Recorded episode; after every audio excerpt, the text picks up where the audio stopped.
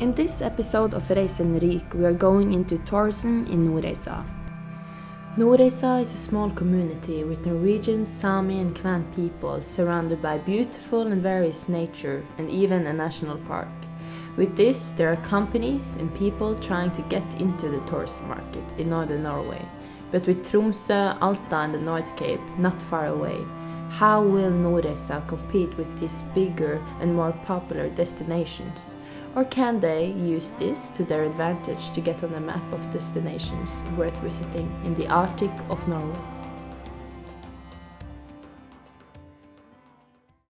So, hi, my name is Henriette. I'm sitting here with Csenge from Hungary, Hi. Karan from New Zealand, Hi. and Petter from Norway. Hello. And we are students at the UIT in Alta and we're studying Arctic Adventure Tourism together.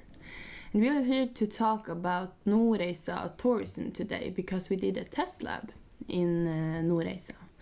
Can you please just tell me what was the test lab? What did we do?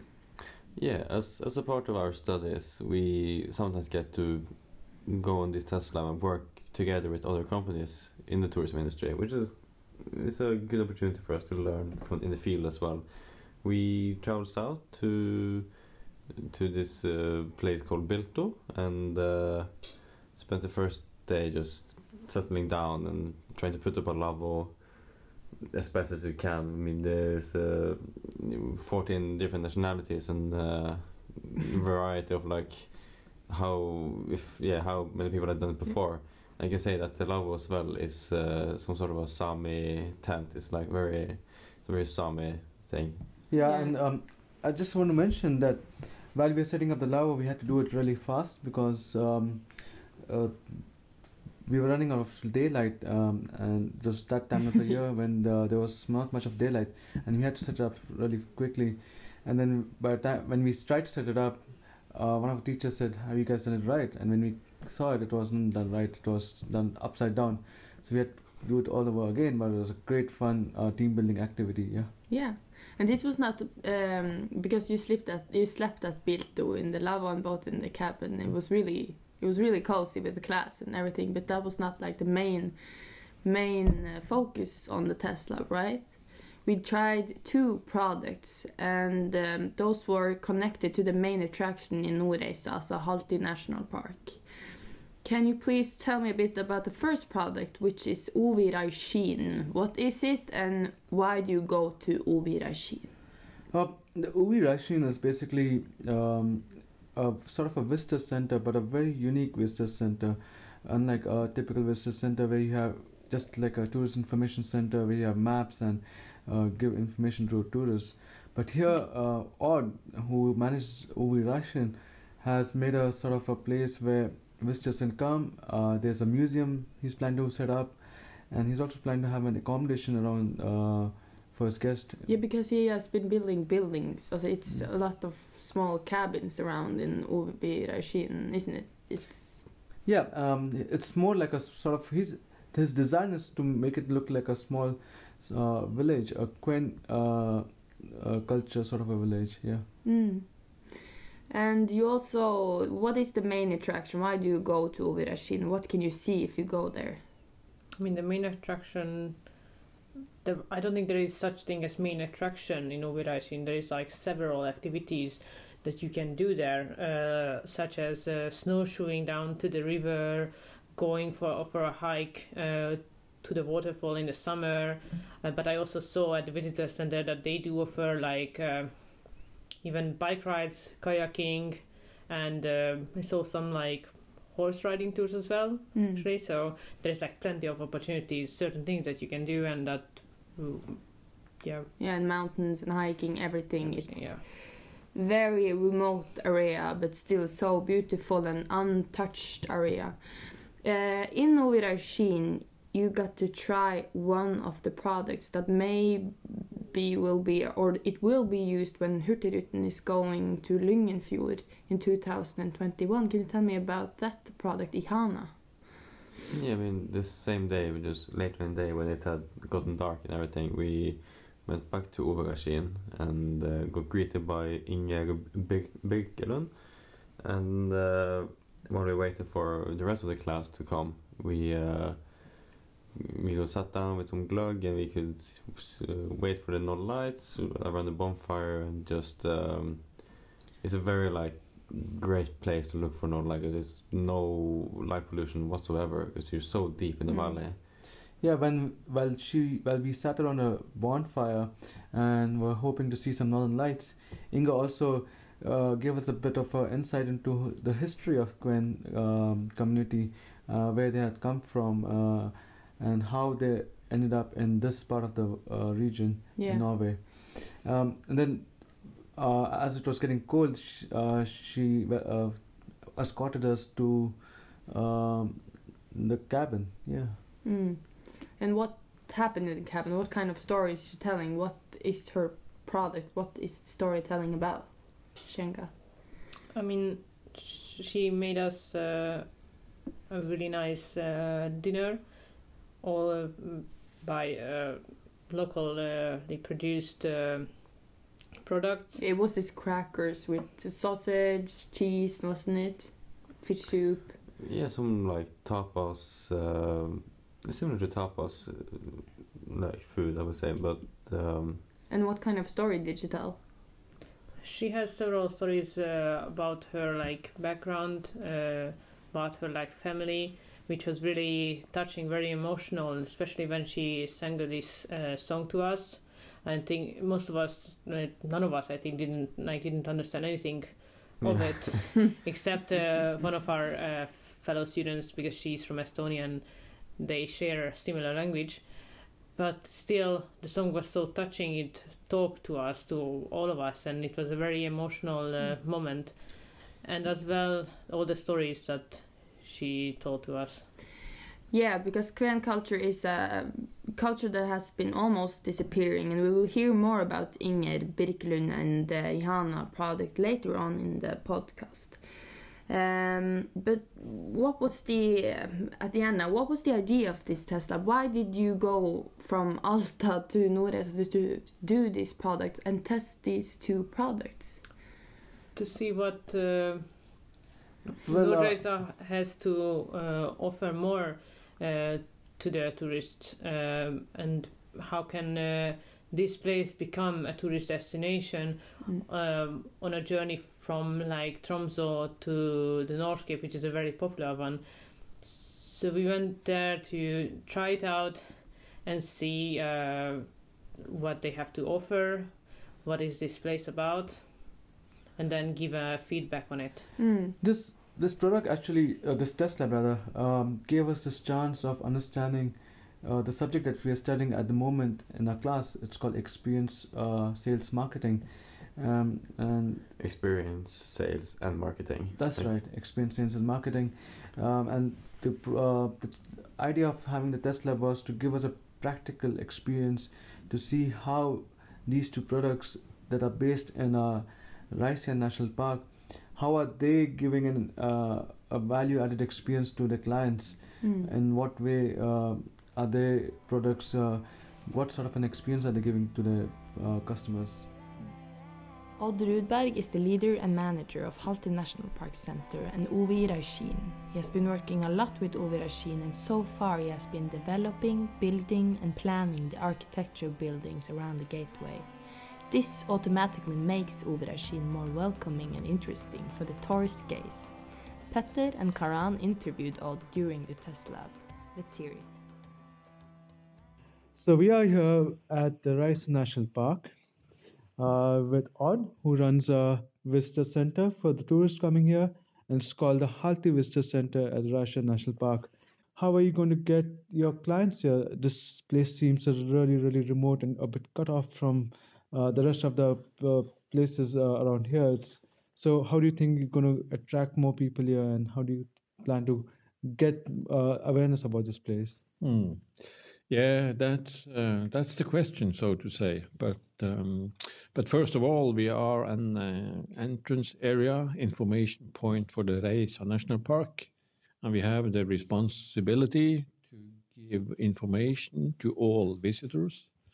That could be about uh, rules, regulations, opportunities, uh, attractions, safety. We have a lot of different questions uh, up here. And um, now we are thinking about how to uh, improve this product.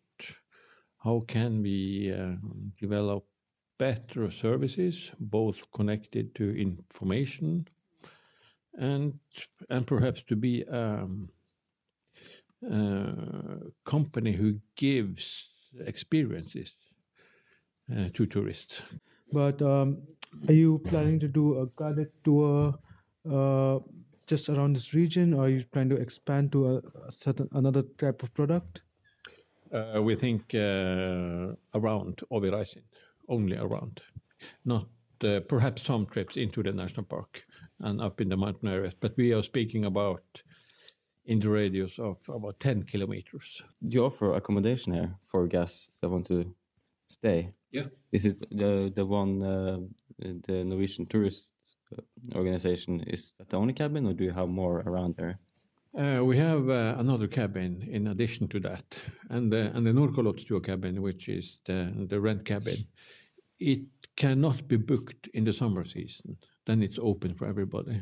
But the rest of the year, you can book that directly by us. So we have different handling of that cabin. But we have two cabins up here. How many visitors are you expecting in future over here? Uh, and do you have a limit to it? we don't see the limit yet, I should say, but but every year we count. We have a eco counter, which is called this. It's an electric beam, which counts people all the year up here, and we have about uh, five thousand five hundred visitors every year. That's it's not so big. Uh, destination with 5000 but it's the biggest in uh, northern Troms uh, and it's quite a lot to be in a remote uh, area like this. Inger Birkelund is the mind behind the product Ihana. It's a company who delivers history about Kven culture, local food, and her products. Traditional songs, old stories, and myths are being told, and it's experience authentic and memorable. But who are actually Kven people? What is the culture about? Let's hear what Inger has to say.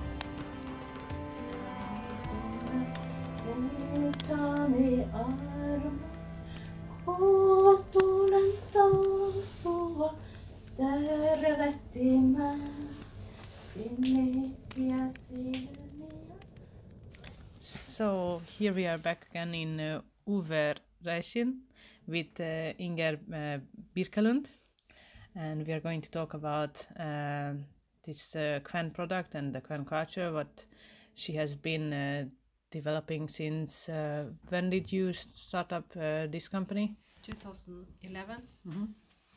And uh, it's been, you see, like improving and changing ever since. And you have, what we heard, some uh, goals regarding on this um uh, product. What are these uh, goals that you want to reach? With this project Mhm. here at Yes. Um, I have got uh, this contract with Hurtigruten, and um, uh, I'm going to both be guide on a bus traveling up to Reisa Valley, and then the, the uh, guests are going on a riverboat trip, then coming back to this place over Reisin, and I'm going to do storytelling about Kven, Sami, and Norwegian culture here at at this uh, location. That's um, summer 2021, so I have some time to develop uh, the product. Can you tell us more about the culture? Where is it from? And uh, some main traditions of it? The Kven people came from the area of uh, northern Norway, no, northern Sweden, northern Finland, Torne Valley, uh, and wandered uh, to the coast of northern Norway, Ruija they call it, and they settled here. The first one, maybe we don't know when the first came, but we know that uh, the first written one, being Kven here, was in uh, 1500. And then most of the Kven people came uh, in the seven uh, around 1750 to 1850.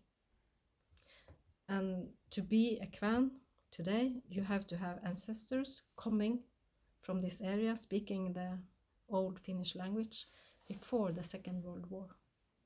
When can people come and what do they get when they come and visit you here at Ovi Raishim? Is that right? Raisin. Sorry, Ovi Raisin. Yeah. Uh, this product is um, available from uh, 1st of October um, to 1st of April. But you have to order it and it's only for groups. Mm. And um, the main thing why people come is uh, to see the northern light because this is a very uh, good spot to see it. It's uh, there's no artificial lights here, and um, and the the climate is very good. So often when it's uh, raining or snowing or blowing, strong winds at the coast at Storslett, then it's uh, much uh, nicer here. It could maybe it's clear sky and uh, colder. It's always colder here, but uh, uh, sometimes it's possible to see the northern lights here, even though it's not possible by the sea. So that's the main thing. And then when they come, I want to share with them both um, uh, food that's uh, a part of our tradition, but also uh, food that's uh, um, part of uh, the people living here as farmers, fishermen, hunting, uh, using the the um, food they could get from the nature. And uh, I want to tell a story both of the food and then to make the guests taste it.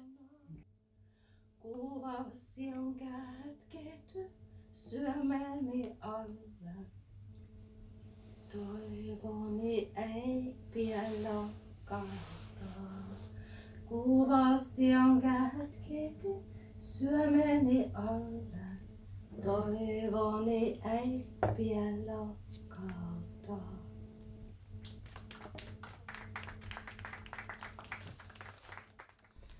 Now I'm sitting here with Per and Gaute, our professors uh, at the Experience Sales and Marketing class, who also organized the test lab.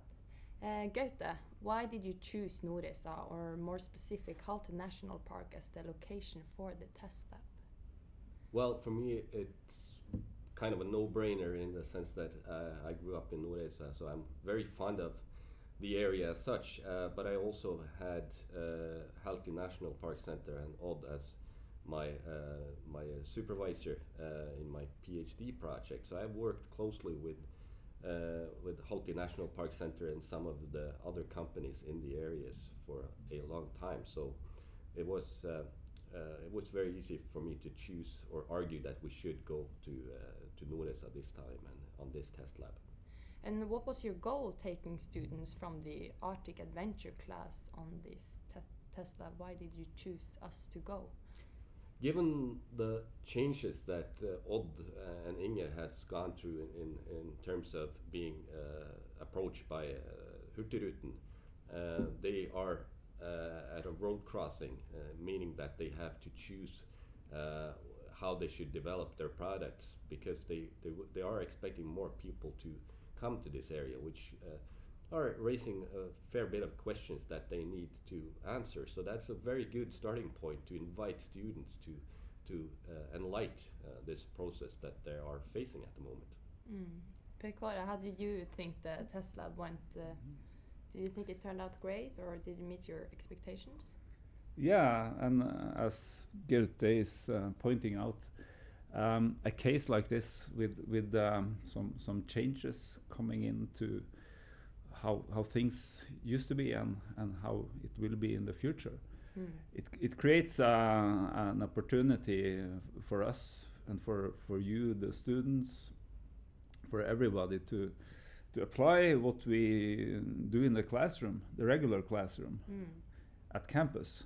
So when we go out and and uh, go into a case like this with businesses, with the resources that the businesses have around, the nature, the, um, the, the in this case this uh, this village that has been created over time, Mm. i it is multiple resources to look at and for you to dig into, to to apply to theo- theory, to understand theory better in a different way. Uh, and then in that way, um, we, um, we, we, we do this test lab as an approach in, in many courses. In many of your later courses, we will do similar things, new Mm. cases, and, and we try to, to, to use our network to, to find good cases for, um, for us to explore so that we, we as, uh, as uh, instructors or professors, we, we are not necessarily going in, in our own footsteps. We, we try, try not to repeat ourselves. We, we find new ones. Yeah. So.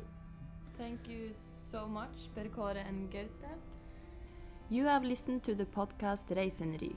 This episode of Reisenryk is produced by a group of first year students from the Arctic Adventure class at the UIT Alta Karen, Petter, Csenge, and Henriette. Thank you, Odd Rudberg, Inger Birkelund, Per Kåre Jacobsen, and Gaute Svensson for joining us.